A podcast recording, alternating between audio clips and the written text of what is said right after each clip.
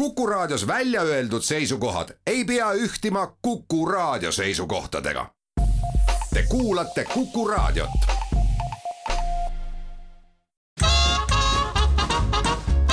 jäljed gloobusel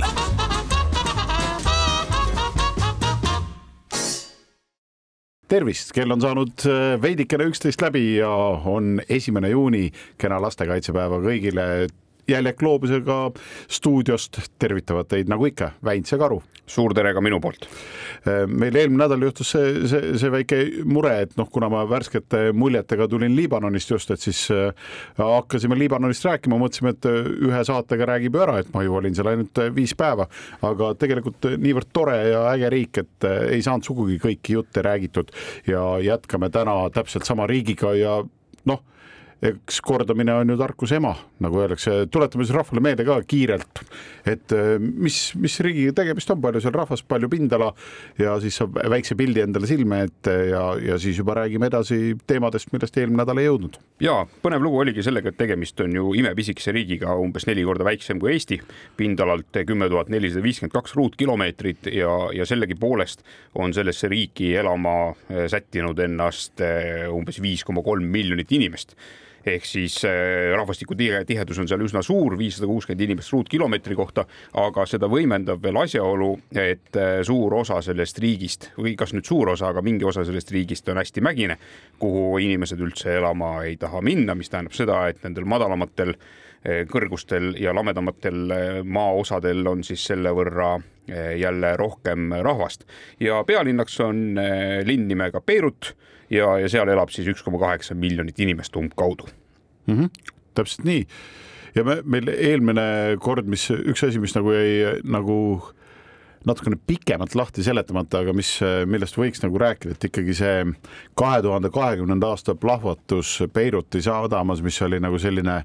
noh, järjekordne piisk siis sellesse katlasse, et äh, Liibanonil vahepeal läks ikka väga halvasti ja tänu sellele turistid kadusid ära ja hakkasid kartma, äh, siis äh, noh, majandusel hakkas kohe halvemini minema ja siis tulid nagu muud asjad ka, et inimesed ise muutusid ebakindlaks, näiteks noh, eelmine kord sai mainitud ka üks number, kolmsada tuhat, et kolmsada tuhat oli siis see number, et kui käis sellel äh, neljandal augustil kaks tuhat kakskümmend see kõva pauk, siis äh, kolmsada tuhat inimest kaotasid oma kodu. Ja mitte nagu see, et kõik majad oleksid olnud äh, maatasa, aga lihtsalt nad kaotasid osaliselt ka sellepärast, et äh, nende maja seinad nii-öelda jäid küll alles, aknad olid katki nagu ma ei tea, mitme kilomeetri raadiuses on ju, aga nad lihtsalt ei julgenud sinna tagasi minna ja seetõttu noh, seda võrdsustati nii-öelda kodu kaotusega, et need majad siiamaani seisavad tühjana ja, ja selliseid tühje maju ja lisaks nendele ka tühje hotelle, mis iganes äh, ettevõtteid, äh, büroosid, neid on, äh, neid on endiselt nagu väga palju ja, ja kohati nagu päris noh, et pildid on ägedad muidugi sellest on ju, et teedki tänaval pilti, kuidas noh, klaase ei ole, aga kaardinad on alles on kuidas need kardinad tuules lehvivad ja noh, see jätab üsna sellise apokalüptilise nagu mulje, eriti kui samal hetkel peaks juhtuma niimoodi, et tänaval ei ole ka eriti inimesi liikumas. et selles suhtes fotograafidel on seal eh, nii-öelda päris, päris palju jäädvustada, aga jah, ringiga tagasi jõudes selle neljanda augusti kaks tuhat kakskümmend plahvatuse juurde, et miks see üldse nagu juhtus ja, ja kuidas see sai olla nii laastav, siis äh, seal oli eks seal on natukene erinevaid versioone ja kuna nagu pauk hävitas ka nii mõnegi asitõendi, on ju, et siis äh, päris nagu ühest tõde ei ole. aga kui panna kokku see, mida ma olen äh, selle plahvatuse kokku, kohta nagu lugenud ja see, mida rääkisid kohalikud äh, tüübid, pea, peaasjalikult siis meie taksojuht, siis siis seal oli aastast mingi kaks tuhat neliteist oli ladustatud juba kokku mingi kaks tuhat seitsesada viiskümmend tonni mingit väetist, mingit ammoniaaki seal mis oli noh, natukene oli juba no ikka noh, ajahammas eh, oma tööd tegi ja keemia, keemilised protsessid seal toimusid ja siis see, kus seda ladustati, sinna samasse ladust äh, konfiskeeriti siis taksojuhi väitel just ühe laeva pealt niisugust äh, mingi pürotehnika moodi jama ja noh, niisugune, ma sain aru, et ammoniaak nagu päris ise ikkagi, see vajab mingit nagu tõuget ka ikka, et, et see nagu niisuguse korraliku puraka paneks. ja siis äh, ja siis ühel hetkel nagu noh, mul isegi pilt tuli silme ette, et kuidas see juhtus, et siis ühel hetkel oli, kuna see konfiskeeritud kaup oli ikkagi niisugune hinnaline, siis nagu tekkis see hirm, et vargad tulevad seda himustama ja selles hoones, kuhu see, see oli ladustatud, siis konfiskeeritud pürotehnika, siis äh, seal olid mingid, mingid kohad, mis äh, oli vaja kinni keevitada. siis äh, mul tuligi see pilt ette, kuidas nagu äh, see oli õhtul niisugune see plahvatus toimus äh, mingi kaheksa minutit peale kuute või no mõned minutid peale kuute. et kuidas veidi enne kuute siis äh, see kaherattalise selle keevitaja käruga, kus see balloon on peal ja siis see keevituse otsad ja see rahulikult see mees läks siis sinna selle lao juurde, siis hakkas vaikselt neid äh, pragusid või uksi seal kinni laskma et noh, ilusti vargad ei viiks seda asja ära ja siis see asi läks seal põlema ja siis käis see jumakas ja see jumakas oli äh, lisaks sellele, et ta nagu, ta tekitas mingi üle saja meetri laiuse kraatri, mille sügavus oli nelikümmend kolm meetrit. noh, kujutate ette, nelikümmend kolm meetrit oli sügavust see täitus veega loomulikult seal, seal kõrval nagu noh, tohutult palju tulekahjusid, terve see sadamaala oli nagu segi pööratud ja seda tuld kustutati seal kohati nagu veel kuid pärast seda. mingid kolded olid kuskil alles, osad hooned noh, saidki selles kuumuses kahjustada ja vajusid alles hiljem kokku ja noh, seda jama oli seal tükiks ajaks. Inimesed, noh, paljud, üle kahesaja inimese sai surma ja väga paljud neist noh täiesti, nad ei saanud mitte midagi aru, nad ei teinud mitte midagi valesti. sealtsamast sadama kõrvalt läheb nagu üks äh, linna tuiksooni läheb mööda, sest äh, üsna mõnusalt niisuguse mäeküljed kohe Beirutist hakkavad ülespoole minema, et, et kõige siledam pind, kuhu maantee radada, rajada on üsna merekaldal, on ju. siis äh, sealt lähedalt läheb see maantee, et mõned inimesed lihtsalt kell kuus õhtul sõitsid töölt koju ja siis millegipärast äkki käis mingi jumakas ja nende auto tõusis õhku ja paiskus kuhugi kas sügavikku või siis kuhugi vastu ja noh, paljud hukkusid lihtsalt niimoodi, paljud jäid tulle äh,. väidetavalt äh, nende hulgas oli ka see keevitaja loomulikult, kes siis nagu selle lõppkokkuvõttes põhjustas. ja kohalikel elanikel on see natukene hinge peal ka, ka sellepärast, et et kuigi alguses suure suuga lubati, et kõikide hukkunutele noh, nagu ikka makstakse toetusrahasid ja, ja süüdlased võetakse vastutusele, siis seda tegelikult ikkagi senimaani tehtud ei ole. Ja need ja inimesed siis oma sellist nagu protesti on avaldanud ka sellega, et on selline au, noh, nii-öelda mälestussammas loodud siis sellele plahvatusele, mis on selline nagu no ütleme siis see, sellise haamrikujuline, nagu on kohtutes haamer, on ju. et siis, mis peaks siis tuletama tuletama kõigile meelde, et, et me ei unustaks, unustaks seda plahvatust, ei unustaks seda, mis juhtus ja seal see on paigutatud siis täiesti, täiesti selle noh, ranniku äärt mööda mineva tee äärde ja seal on niisugune väike betoonbarjäär ka, et kus nagu noh, saab üle ronida, aga keegi ei roni, siis selle betooni peale on siis ka pandud hukkunute pildid, kus siis kõik siis lähedased aeg-ajalt toovad ka, toovad ka lilli ja nii edasi. Ja just, et need ja lisaks nendele piltidele üks, mis mulle muljet avaldas, et seal oli niisugune graffitina oli tehtud ka siis äh, kohaliku rahva arvates siis selle peasüüdlase, peasüüdlase niisugune graffitiga nagu, nagu nimi ja nägu et noh, et tema on kuhugi, ta on küll Liibanonis väidetavalt mingi ametnik, on ju, kes siis kõik nagu nii-öelda üritas kinni mätsida, et aga noh, et rahvas teeb siis graffitina nagu igale poole, et, et me ei unustaks seda, teevad siis tema, tema kujutist ja et see ei läheks inimestel meelest ära ja see ausammas siis on selline, et et nad nime, noh, inglisekeelne on siis act for justice ehk siis, et paneme noh, katsume siis õigluse võidule tuua ja et, et inimesed ei unustaks seda ja et need asjad enam, enam ei korduks. aga jah, et jälle ringiga tagasi tulles, et need paljud tühjad hooned, mis on seal sadama lähedal, on just nimelt sellepärast, et inimesed ei julge tagasi tulla ja siis enamus hooned, mis on täiesti korralikud ja akendega, need on tegelikult täielikud uusehitised, nii et teistpidi nagu hästi palju investeeringuid tuli pärast seda plahvatust tuli siis, kus noh, nii-öelda ootamatult vabanenud pindadele said siis investorid rajada uusi kõrgeid hooneid ja seal on uusi hotelle büroohooneid, elamuid, kõike muud, aga, aga väga paljud elanikud nüüd siis katsuvad nii-öelda sellest sadamaalast veidikene kaugemale endale kinnisvara soetada, sest nad kardavad, et see kõik võib korduda ja, ja see on üsna põhjendatud kartus, ma arvan. No põhimõtteliselt võib selle kokku võtta siis nii nagu äh, paljud äh, suured seiklused ja paljud suured jahmad hakkavad lausega, et me mõtlesime. nii ka mees mõtles, et äh, lasen sirtsti keevitusega siin ukse kinni ja ongi kogu lugu, mis on iseenesest nagu parem variant, kui see oleks olnud mingisugune selline hiiglama suur äh, nii-öelda terroristlik äh, aktsioon, on ju. Äh, küll olen mina selle plahvatusega kursis nii palju, kui televiisor seda toona vahendas ja, ja minu jaoks on näiteks väga suur üllatus see, et, et selle plahvatuse käigus, mis noh, vähemalt televiisorist vaadates tundus nii, et pool, pool Liibanoni oli kadunud, hukkus ainult kakssada inimest noh, täiesti nõus. ainult nõus. on, ainult on muidugi noh, ütleme praegu ja. selles kontekstis öeldud, aga. sest jah, et äh, selle võimsust nagu selle plahvatuse nagu selle löögi nagu äh, võimsust võrreldi, et see oli nagu üks kümnendik sellest, mis äh, andis välja see tuumapomm, mis visati Hiroshimale ja noh, Hiroshimas Äh, see oli muidugi noh, üks asi, et oli kümme korda nagu tugevama löögijõuga, aga mis, mis oli nagu, mis natukene Beirutit päästis, oli just seesama asi, et see oli merekaldal, ehk siis pool sellest löögijõust läks nagu tühja. Äh, mitte päris tühja, sest seda lööklainet tunti kakssada nelikümmend kilti il, äh, nagu eemal Küprosel ka ehk siis noh no, kujutate ette, et mingi mingi asi teeb nii kõva paugu, et sa tunned seda lööklainet kakssada nelikümmend kilomeetrit hiljem eh, kaugemal ka. et eh, vot selline asi oli tõepoolest eh, siis selle Beiruti plahvatusega, aga me oleme hetke pärast tagasi ja räägime natukene positiivsematel teemadel. jäljed gloobusel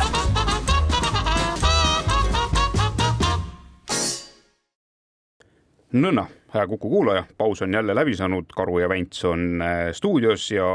käimas on saade nimega Jäljed gloobusel ja seekord jätkame oma jälgede tegemist sellisesse põnevasse riiki nimega Liibanon ja, ja Liibanon on ka selles mõttes väga huvitav ja põnev riik, et hoolimata sellest, et tal on äh, väga konfliktide äh, rikas ajalugu, äh, on ta ka sattunud sellisesse kohta oma asukohaga, kus just naabrite üle suuremat rõõmu ei saa tunda, aga sellegipoolest ütleb Liibanon iseenda kohta seda, et nende teiseks kõige suurem majandusharu on turism, mis siinkõnelejale noh, võib, vähemalt kõlab natukene selline nii-öelda nagu huvitavana või, või noh, mitte ootuspärasena. ja, ja siin need suuremad sellised loosunklaused, mida nad siis lubavad turistidele, on see, et neil on väga uhkeid suusakuurorte, neil on väga ilusaid liivarandasid, siis ta on Araabia ja Euroopa selline ühendkokteil nii kultuurilises osas on ju. ja, ja üks asi, mis nad eriti välja tahavad tuua, on siis see, et, et neil on üks hinnatumaid Vahemere kööke ma nüüd mõtlen seda, et kui me selles eelmises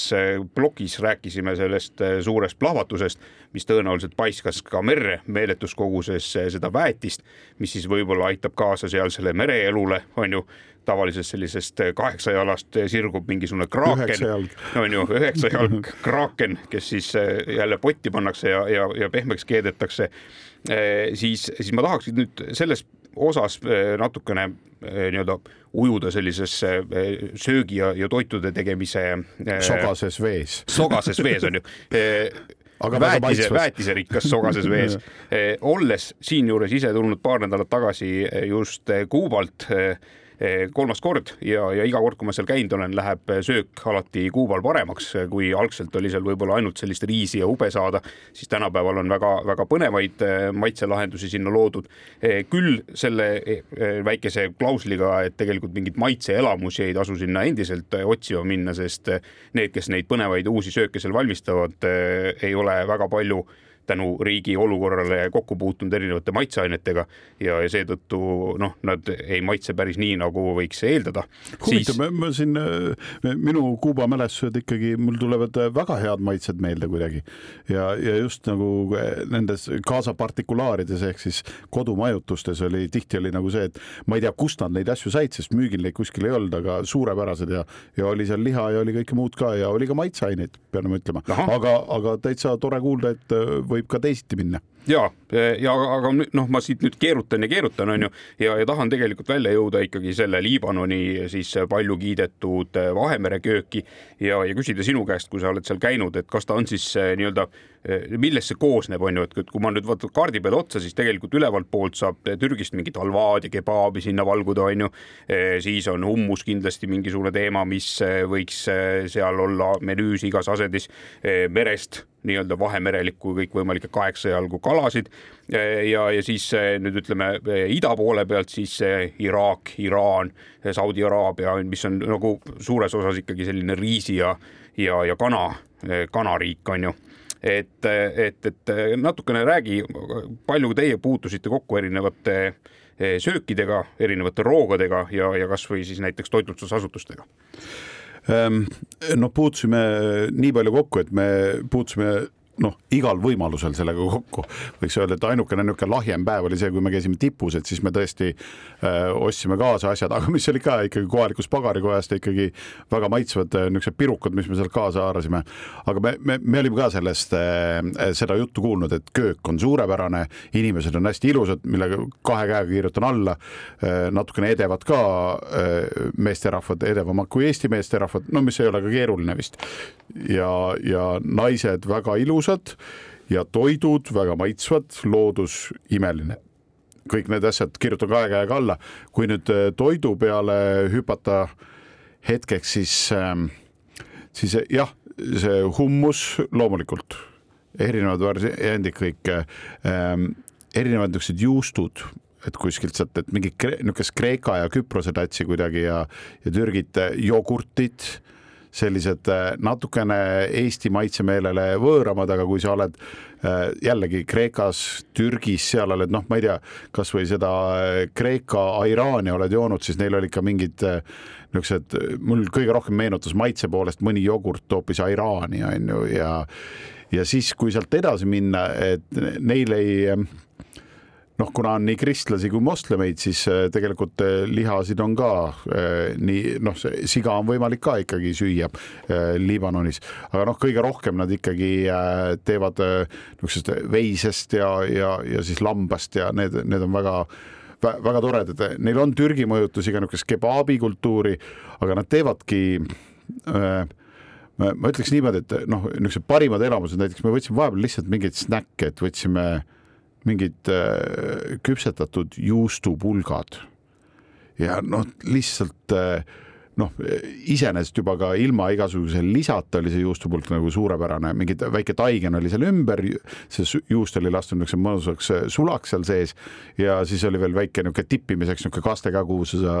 korra sisse selle kastsid ja siis oli lihtsalt noh, keeleviib alla, eks ole siis äh, kaladega on neil see lugu, et noh, neil oli see pagana kodusõda on ju aastal seitsekümmend viis kuni äh, tuhat üheksasada üheksakümmend ehk siis noh, see kodusõda kestis neil on ju tubli viisteist aastat. Ja kodusõja ajal äh, noh, ka sõjas kehtivad ju tihti need reeglid, et reegleid peaaegu ei ole. Siis ka kalamehed äh, avastasid, et äh, kuna dünamiiti oli nagu odavalt saada siis nad avastasid, et jube kihvt on ikkagi dünamiidiga käia Vahemeres kalal. Ja tegid seda täiesti massiliselt ja sellega seoses nad äh, äh, noh, nad lasid kõhud ülespidi nii-öelda tervetel kalaparvedel, aga lisaks sellele äh, noh, nad lammutasid natuke ära ka kalade selle elukeskkonna, mis tähendab, et ega väga suuri, vähemalt nii rääkis meie, meie kohalik taksojuht ja üks teine mees, kokk, üks kinnitas ka tema sõnu, et neil nagu selliseid suuremaid kalalaevu nagu väga Vahemerel ei käigi ja niisugune rannapüük on, et aga et ega sealt nagu hullult palju ei saa, et on mingid kalad on nagu tagasi tulnud, aga et vahepeal oli ikka täielik jama oli sellega, et noh, nagu kala praktiliselt seal rannikuvetes üldse ei olnud, sest lihtsalt oli nii palju seal paugutatud, et noh, ega noh, kalad ka lollid ei ole või noh, nii lollid vähemalt, et nad nagu siis tahaks seal olla, kus nagu pidevalt paugutatakse ja sinu elukeskkonda lõhutakse. aga me, me ikkagi, äh, ka meie taldrik taldrikutele mõned kalad jõudsid, ma pean ütlema, et nad oskavad mereandidega lugupidavalt ümber käia. jällegi kõik oli väga maitsev, neil on ka sellist noh, nagu seda meeset või seda noh, niisugune sa saad ka nagu jälle mingi, ütleme siis see niisugune noh, Kreeka ja selle poole mõjutusega, et niisugused väiksed topsid, kus sa saad nagu erinevaid asju, maitset, väga erinevaid maitseid Äh, niisuguseid kodujuustu sarnaseid asju on neil väga palju. Äh, loomulikult nad äh, söövad lavaši, aga mina olin valmis rohkemaks selleks, et ka noh, mingi ma olin valmis seda nii-öelda parema käega söömist praktiseerima seal palju rohkem aga na, nad on ikkagi natukene niisugune tsiviliseeritum on see kõik, et restoranides nad ikkagi ise ka söövad noa ja kahvliga, neil ei ole see, et võtad tüki lavaši ja siis haarad sinna vahele eh, tomatisalatit natukene, mis on ürtidega tehtud ja siis väikse kebaabitüki. ei, et nad ikkagi kasutavad nuga ja kahvlit peamiselt ja see, see on väga äge. ma vahepeal rääkisin ka, et kui me tippu läksime, et siis me hüppasime läbi ühest pagaritöökojast, et siis hommikuti on neil selline komme tihti, et nad äh, hommikusöögiks haaravadki siis oma lähimast äh, kodupagarikojast, äh, haaravad sellised äh, noh, kas siis lihaga või mingi oliiviseguga tehtud selliseid pirukaid või spinatipirukaid me näiteks võtsime, niisugused suured kolmnurgad, niisugused ütleme noh, mis siis on mingi kahekümne sentimeetriste servadega niisugused võrdkülgsed kolmnurgad umbes. mul ei tule selle Kesk-Aasia piruka nimi praegu meelde, mida seal väga palju evitakse, samsa. jah, samsad ja just lihtsalt tee samsa, vajuta natuke lapikumaks ja tee palju suuremaks, on ju. et samsad enamasti on ikkagi sellised, sa saad kahe näpu vahele võtta, on ju vist ja ta on niisugune fritüüris tehtud pigem, aga nemad teevad selle jah, nõnda ahjudes seda väga, väga kihvtilt ja nagu noh, oliivid muidugi ka eraldi on ju, et see, et noh, sul Äh, mida nüüd sinna juurde panema, ma täpselt ka ei tea, aga see noh, nagu noh, see, see ei ole see purgist võetud oliiv siit äh, noh, see Tallinnast ostetud on ju, vaid äh, ta on ikkagi sealtsamast puu otsast korjatud ja, ja, ja mõnusasti tehtud ja, ja neil on ka Nad on äh, näiteks seesama PK org on ju, mis on äh, muidu kurikuulus ja kus äh, lähedal siis ka kunagi aastal kaks tuhat üksteist päris pikalt olid Eesti poisid, jalgratturid olid on ju pantvangis, siis see, see PK org tegelikult on ala, kus kasvatatakse siis kõiksugu juurvilju. nii et see on see ala, kus noh, seal on ka vett on ju, kuna mägedest nagu ma ütlesin, maikuus jah, eelmine saade ütlesin, et maikuus seal veel üleval on lund ehk siis kui, kus on lund, sealt on ka lumesulamisvett ehk siis nad saavad päris äh, mõnusalt äh, piisava koguse vett ja on jõgesid ja väikseid äh, veehoidlaid, millega nad siis saavad vajaliku koguse vett, et hoida siis neid kasvatusi ka piisava niiskusega, et nad saavad piisavalt toitaineid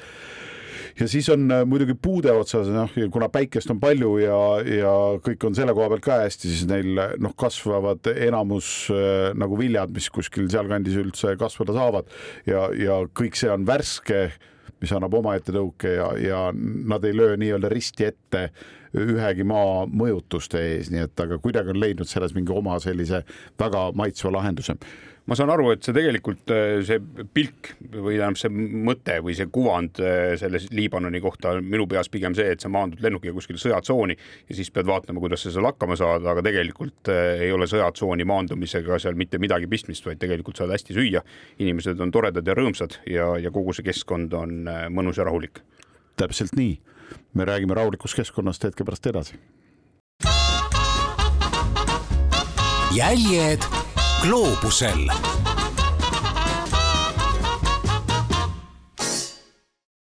tere tulemast tagasi, teist saadet järjest Väntsiga räägime Liibanonis, kus siis karu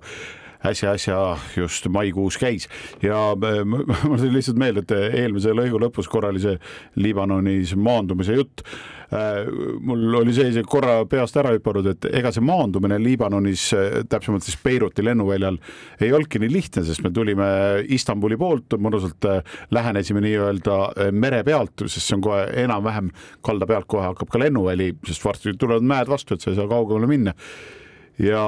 pime aeg ka juba, vaatasime ilusti vasakpoolsetest lennukiakendest välja, nägime eh, Beiruti nagu eh, tuledes ära, nii palju kui seal tuledes ära muidugi on, sest valitsus kogu aeg elektrit ei jaga neile nii lahkesti, onju. Ja vaatad neid maju, on ju, näed juba, et ahah, kõrgus on selline, et varsti nüüd pannakse rattad maha, on ju, võtad vähe sirgema asendi, on ju, tõmbad äh, ümber olevale äh, sellele turvavööle, tõmbad natukene pinget peale, on ju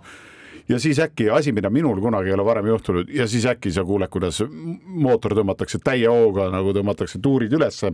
ja nina läheb ülesse ja siis no, no ja sa tõmbad üles ja kuhugi paremale ära ja sa saad aru, et noh, üles ja paremale sellepärast, et noh, muidu tuleb üks mäekülg vastu ja tuleb temal eest ära hoida. ja siis täitsa rahulikult äh, kogutakse natukene kõrgust, tehakse päris suur kaar. ma arvan, et see oli niisugune noh ikka mingi eh, kümmekond minutit oli see, mis tuli juurde. Ja siis tulime teisel katsel ja, ja meile siis vahepeal noh, tükk aega oli paus, mingit infot ka ei tulnud ja siis eh, ühel hetkel nagu kapten ütles, et ja et äh, vabandust, et meil see esimesel katsel ei õnnestunud, et äh, ilmastikutingimused äh, ei ole nagu väga head ja noh, ainukene, mis sel puhul on, et tõenäoliselt tuul siis on ju, mis oli lihtsalt Pime oli.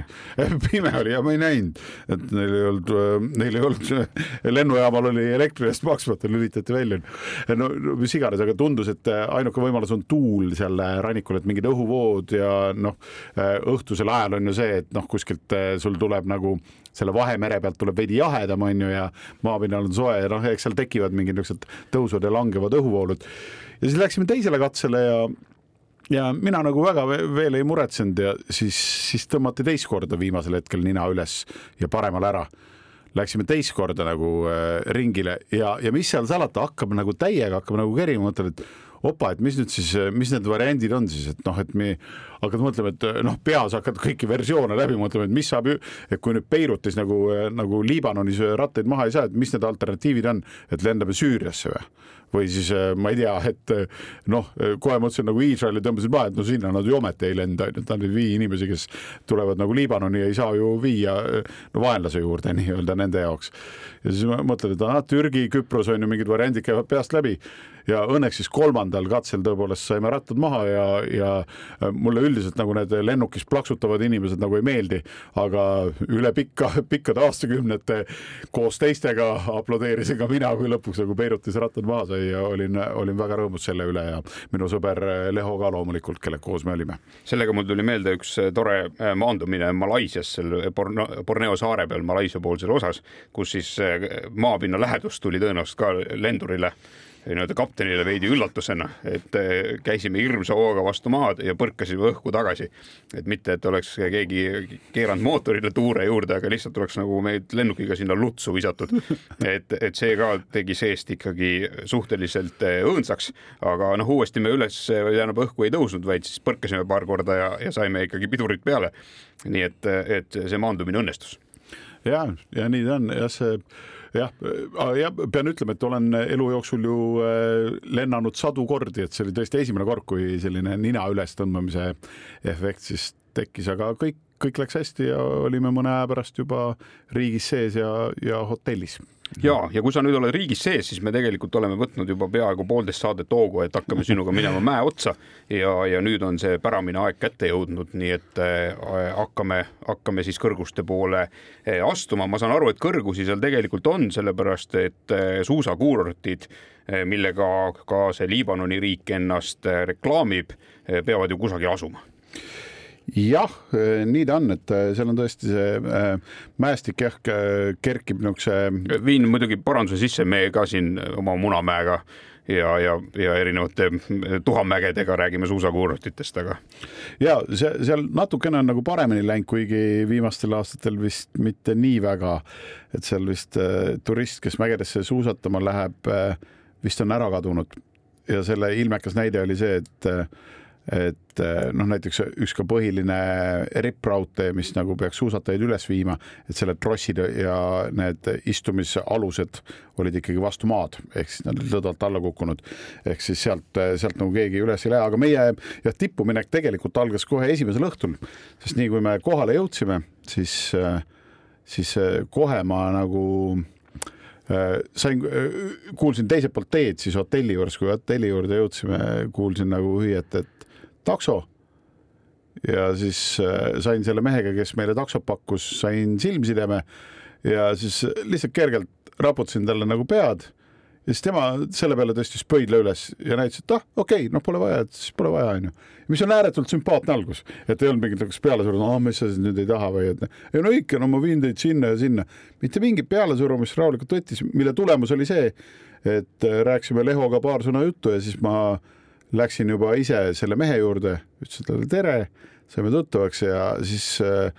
äh, siis äh, küsisin tema käest otse, et kuule, et meil on selline plaan, me tahame minna vot sinna selle küla lähedalt on ju, on võimalik minna Liibanoni kõrgemasse tippu. ta ütles, et ja, tean seda küla, olen seal käinud, et ma ikka turiste vean nagu sinnakanti ka. ja siis küsin lihtsalt, et palju see maksab, ta ütles, et äh, jah, et saime kaubale põhimõtteliselt saja viiekümne dollariga kahe peale, et noh, seitsekümmend viis kumbki ja selle sees oli siis üle saja kilomeetri pikk sõit äh, sinna mäe alla suusakuurortisse nii-öelda. Äh, siis ta kümme tundi ootas meid seal ja siis tõi tagasi Beirutisse samal õhtul onju. et kui meie ronisime, siis tema lihtsalt veetis aega seal kohalike tuttavate ja uute sõpradega või vanadega ja lõime käed, järgmisel hommikul ta oli kella kuuest meil ilusti äh, kellaaja kokkulepet täiesti, oli isegi varem kohal kui kokku lepitud, et ei olnud mingit ülelaskmist. sõitsime siis mõnusasti, ta rääkis meile kõikidest tee äärde jäävatest orgudest ja väga ilusaid orge, värke, noh, seesama, kus armeenlased kunagi asustasid äh, oru, kui nad põgenesid siis äh, hullude tagakiusajate eest, äh, keda neil on olnud seal Armeenia ümber nagu ju äh, ja on siiamaani mõned neist on neilt äh, nende kõige pühama mäe näiteks ära võtnud, onju. ja siis äh, rääkis lugusid ja viis mind mäe alla ja me, me olime pannud nagu paika, et äh, selle tipu kõrgus on kolm tuhat kaheksakümmend kaheksa meetrit, tema nimi, noh, hääldusega võin jääda Äh, hätta, me hüüdsime teda Savdaks äh, nagu selle viimase nime järgi, aga noh, täisnimi on tal nagu Cornet El Savda. Ja siis äh, Savda peal siis oli lihtne, et olin vaadanud, et tuleb minna, kõige otsem tee on ikkagi nõnda, et tuleb minna neid samu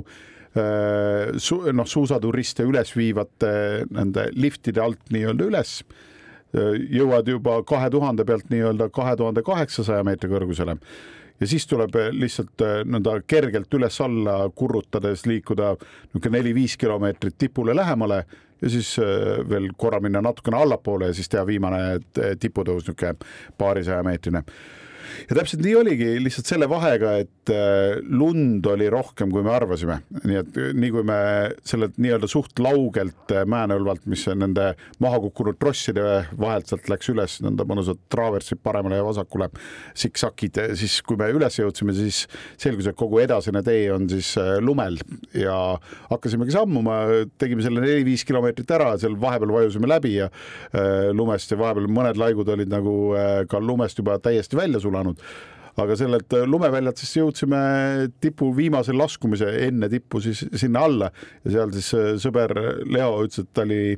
ta oli nendest lumest läbi äh, vajumistega oli oma noh, ütleme siis nagu selle jala ülemise otsa ja siis keha ühenduskohas mingid lihased, mida ta tõenäoliselt ka harva kasutab. et siis eh, need hakkasid talle niimoodi valu tegema, et ta lihtsalt nägi, et kuna veel oli vaja laskuda ja siis veel tippu üles minna ja kell tiksus armutult minuteid ja tunde, siis ta ütles lihtsalt, et kuule, ma jään sind ootama, et käi, käi ära ja siis leppisime kokku, ma vaatasin, et noh, et ma mingi tunni ajaga jõuan umbes tippu, natukene vähem on tagasitulekuks, et siis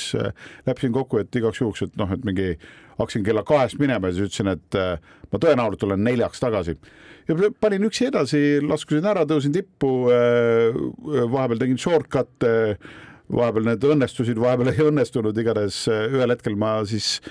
seisin koos sinimustvalge väikse lipuga siis äh, Liibanoni kõige kõrgemas tipus äh,, Savda tipus, kolme tuhande kaheksakümne kaheksa meetri kõrgusel. ja tegid väga uhke videotervituse tegin videotervituse, mida jah, ma jagasin äh, vist enda isiklikul küll jah, sellel Facebooki lehel, et võite minna, mul peaks olema täitsa avatud see, et Andres Karun nime järgi leiab üles. ja, ja siis äh, tulin alla, jõudsin viis enne nelja, noh, sest neljaks oli kokku lepitud, jõudsin natuke varem. Ja siis tulime alla tagasi, taksojuht ootas, kõik olid rõõmsad ja viis meid tagasi, et no selles suhtes midagi hullu ei juhtunud, aga ülevalt nagu vaade oli küll mega see, et PK orgu nägi Äh, ja nägi ta, taamal ka järgmist ahelikku, mis juba äh, vaikselt jääb sinna täiesti nagu Süüria piiril, nii et äh, visuaalselt olen ka Süüriat nüüd näinud nõnda ja niisugused üle lumeväljad ja mis oli nagu veidikene kummaline, et ma arvasin, et me pigem seda lund on seal vähem, aga tegelikult on palju. Ja tipus on veel siis niisugune suurem, kõrgem kivi, kus siis pärast meie taksojuht tõlkis ka, et selle on sinna viinud kohalik sõjavägi, kelle mingi vapp on ka selle kivi peal lisaks tipu nimele ja kõrgusele. Ja sinna peale siis on kirjutatud, et anname noh, noh, põhimõtteliselt noh, vaba tõlge on see, et anname nii kõrgelt au kui Liibanonis võimalik kõikidele meie vägedele. umbes selline sõnum on seal kivi peal, aga jätkame Liibanoni jutte ja tõmbame otsad kokku juba mõne hetke pärast. jäljed gloobusel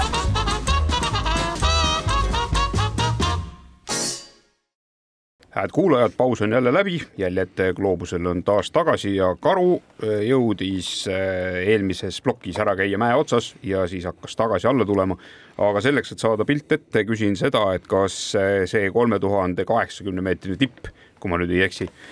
oli võetav nii-öelda tavavarustuses või, või eeldas see ka mingisugust spetsiaalset varustust juhuks, kui kuulab mõni inimene, kes tahab sama sihtpunkti ette võtta noh, kõigepealt soovitaks seda, et kes, kes tahab võimalikult lihtsalt ära teha, et siis minge pigem juba noh, niisugune ideaalsed kuud on seal tõenäoliselt juuli, august, september, kus ei ole seal tilkagi lund ja, ja tõenäoliselt juuni poole, poole peal juba on ka see lumi sealt kadunud, sest ikkagi temperatuur on nii soe. et siis ei ole teil tõesti tavaline trekkingu varustus, ma kindlasti soovitan, et võtke käimiskepid kaasa, sest nendest, kui neli silda nii-öelda töös on, et see kindlasti aitab. saabas võib olla täiesti tavaline trekkingu saabas, isegi kui seal on lund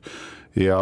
ja nii-öelda nii järske kohti, kus peaks nagu mõtlema, et äkki peaks kiiver peas olema või mingi varing võiks peale tulla, ei ole, ta on ikkagi üsna lauge tõus, kui te lähete sealt nii-öelda sama teed pidi, kust, kust mina läksin ja noh, kui kellelgi huvi, võtke ühendust ja ma võin väga vabalt nii-öelda kaardi peal teile näidata, kuskohast alustada tasub. no käimiskepid saab tõenäoliselt lennukiga kaasa võtta sellisel juhul, kui teil on äraantavad pagasid, sest sellega tõenäoliselt käsipagasiga sinna lennuki kokpitti ei lasta. kuigi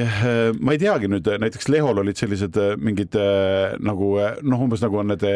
telkide need kaared on ju, et niisugune juppides koos, et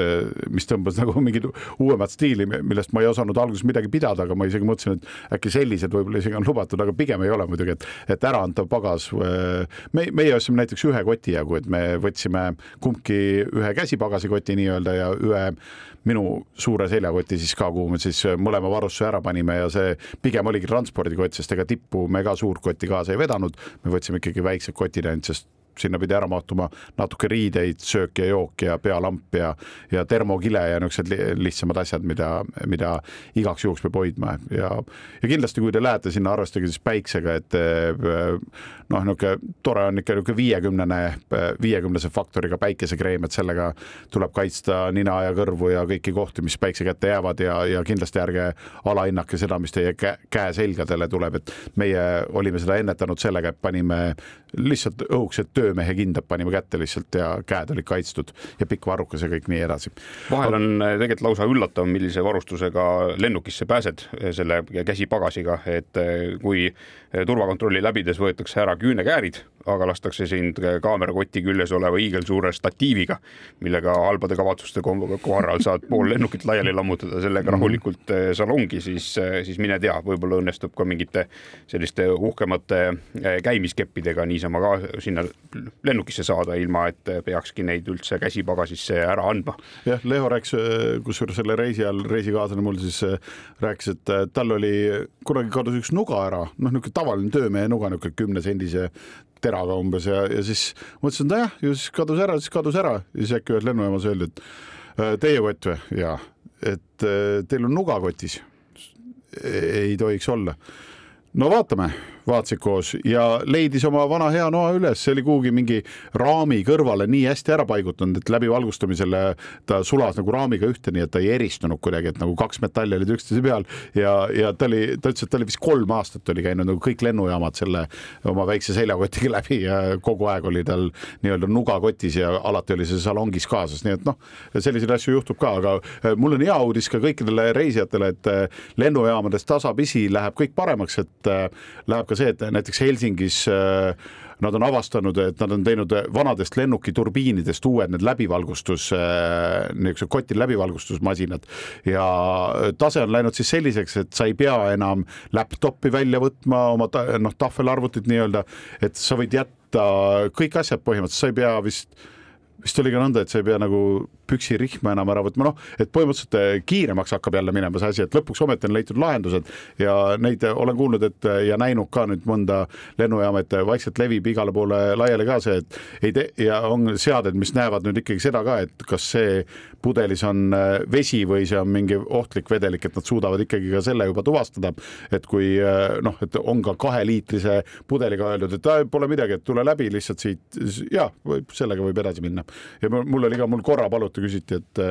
näidati tagasiteel Kopenhaagenis oli lihtsalt, ütles, et oot, et sa, võtsid kõik asjad ära, et ei piiksunud küll, aga et sul task on kuidagi punnis. ma ütlesin, aa jah, salvrätid on siin. siis ta ütles, ole hea, võta välja, siis võtsin salvrätid välja, pigista neid korra ja siis lihtsalt pidin nagu sõrmud kokku paar korda vajutama, et näidata, et seal sees midagi ei ole. aa, väga hea, okei okay.. et äh, ütleme niimoodi, et äh, suurem paanika on mööda läinud ja uued lahendused on leitud ja see, seda on äh, nagu tore, tore tõdeda. no mina oma filmireisidel satun tavaliselt lennujaamades ikka selle hulka või selles jama hulka, et kui eh, tehnikakott, mis on ääreni kõikvõimalikke salvestusseadmeid ja, ja asju täis, eh, sellest turvakontrollist läbi läheb, siis sellele järgneb pikem paus, kus siis kõiki asju tahetakse läbi tupsutada erinevate lõhkeainete otsimisel, nii et, et see on üks selline asi, mis ma olen juba õppinud lugema saja viiekümneni. et, et, et siis püsin rahulikuna ja, ja ootan ära, millal kõik on ära tupsutatud ja, ja ka mina olen ära tupsutatud ja siis ma saan kaasa, et, et see on selles mõttes huvitav, et kui, kui ei ole tehnikakotti ega kaamerakotti kaasas, siis äh, pääseb nagu rõõmsamalt läbi. aga alati, kui kaamera kaasas on, siis läheb tupsutamiseks jälle ja kusjuures äh, minu kaaslane Leho Valmas tegutseb niisuguses äh, noh, tehnika valdkonnas ja natukene ka büromaailmas noh, ütleme nii, et eh, vahel on tema käsi tupsutades leitud ka lõhkaine jälgi, sest eh, noh, ka bürotehnikaga nagu tegeledes ikkagi seda natukene seda eh, puru sinna satub ja siis noh, tal on ikka tükk seletamist olnud ja väga üksipulgi on kõik lahti võetud ja, ja kusjuures on tegemist mehega, kes ei, ei lenda üldse vähe, vaid kus on ikkagi nagu noh julgelt ma arvan, et ta, ta istub lennukisse nagu iga aasta mingi umbes nelikümmend korda vähemalt on ju, võib-olla isegi rohkem on ju, et igas kuus praktiliselt käib kuskil ära. Vot, aga kui me tulime sealt äh, mäe pealt alla, siis mulle, äh, kuna äh, veel oli jäänud, ma kartsin vahepeal, et me jääme nagu pimeda peal, mingi pool kaheksa õhtul läks pimedaks, aga me jõudsime siiski niisuguse umbes kuue paiku alla. Ja meil oli poolteist tundi veel oli sellist vaba valget aega, et siis me osa sellest sisustasime, et me sõitsime natukene allapoole külla ja seal siis mingid meie juhi sõbrad rõõmsalt pidasid suveniiripoodi ja see oli niisuguse väikse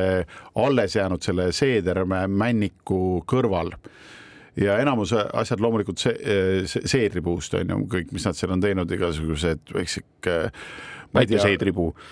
jah, jah, niisugused mingid noh, niisugused, ma ei tea, kuumaalused erinevas suuruses karbid, kirstukesed Äh, noh, kõikvõimalikud. klassikaline Saaremaa kõik on kadakast. Jah, jah, aga kui teil tekib tunne, et noh, pagan, et, e, e, et enne sai räägitud, et hästi palju on neid seedreid seal maha äh, raiutud, et nüüd jätkavad sellega, siis ei, nad kõik on ammu juba kaitse all, nad hoiavad neid väga, aga igal aastal, kuna seal ka palju lund sajab siis üleval, siis äh, nagu siin Eestiski murravad nad oksi, lumesajud ja jäätumised ja kõik muu, nii toimub see ka seedritega. Ja nüüd kõik need on siis tehtud maha kukkunud okstest, mis on ära murdunud ja sellest nad siis teevad, aga need oksad on tohutud. Need on ikkagi noh, need ei ole meie, meie männioksad, vaid need on ikka uhked, noh mõttes võtke Liibanoni äh, lipupilt endale või vapipilt ette, et noh, see ja, ja, ja mõelge, et see, see puu, mis seal peal on, on ikkagi mingi noh, niisugune no ikka ma, ma julgeks öelda, et niisugune nelikümmend meetrit kõrge ja, ja tema oksad lähevad laiali ikkagi eh, noh, veel veidi rohkem kahele poole kokku nagu, et see siru ulatus nii-öelda. et see, see on ka väga uhke ja, ja me, me sealt eh, tõesti nagu tahtsime nagu toetada kohalikke, kuna neil tõesti käib nüüd vähe turiste ja siis me ostsime ka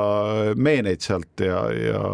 olime ise ka väga rõõmsad ja tore oli muidugi see, et peremees kohe ütles, et I have present for you. Et mul on teile kingitus. Ja siis ütles, et kirjuta oma nimi mulle siia, ma kirjutasin Andres ja siis Leho kirjutas, kirjuta sina ka, kirjutasin Leho.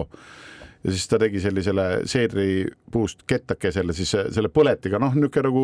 ikka on tehtud, on ju, siis põletas nagu meie nimed on ju, et nagu kingituseks ja teisel pool oli väike see seedripilt nagu põletatud sisse. ja noh, ilusti Leho sai Leho ja mina sain Anderes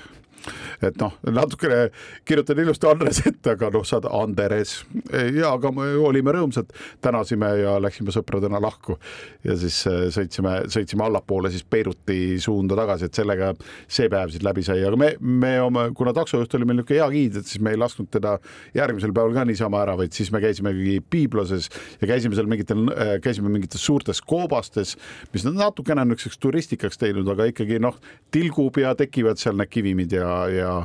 ja see, see, seda oli ilus vaadata ja siis äh, külastasime ka kuskil ühe mäe otsas mingit äh, Neitsi Maarja kuju, mis on ühe väga kihvti arhitektuuriga niisuguse kolossaalselt suure kiriku juures ja, ja noh, et nägime paiku tänu sellele taksojuhile väga-väga palju, nii et soovitan, kes sinnakanti läheb, et siis äh, takso ei ole kallis, et lepige kokku ja võtke julgelt kasvõi terveks päevaks, et need hinnad on täiesti arusaadavad, eriti kui te lähete mingi kolmekesi või neljakesi näiteks. aga majutusasutuste kvaliteet?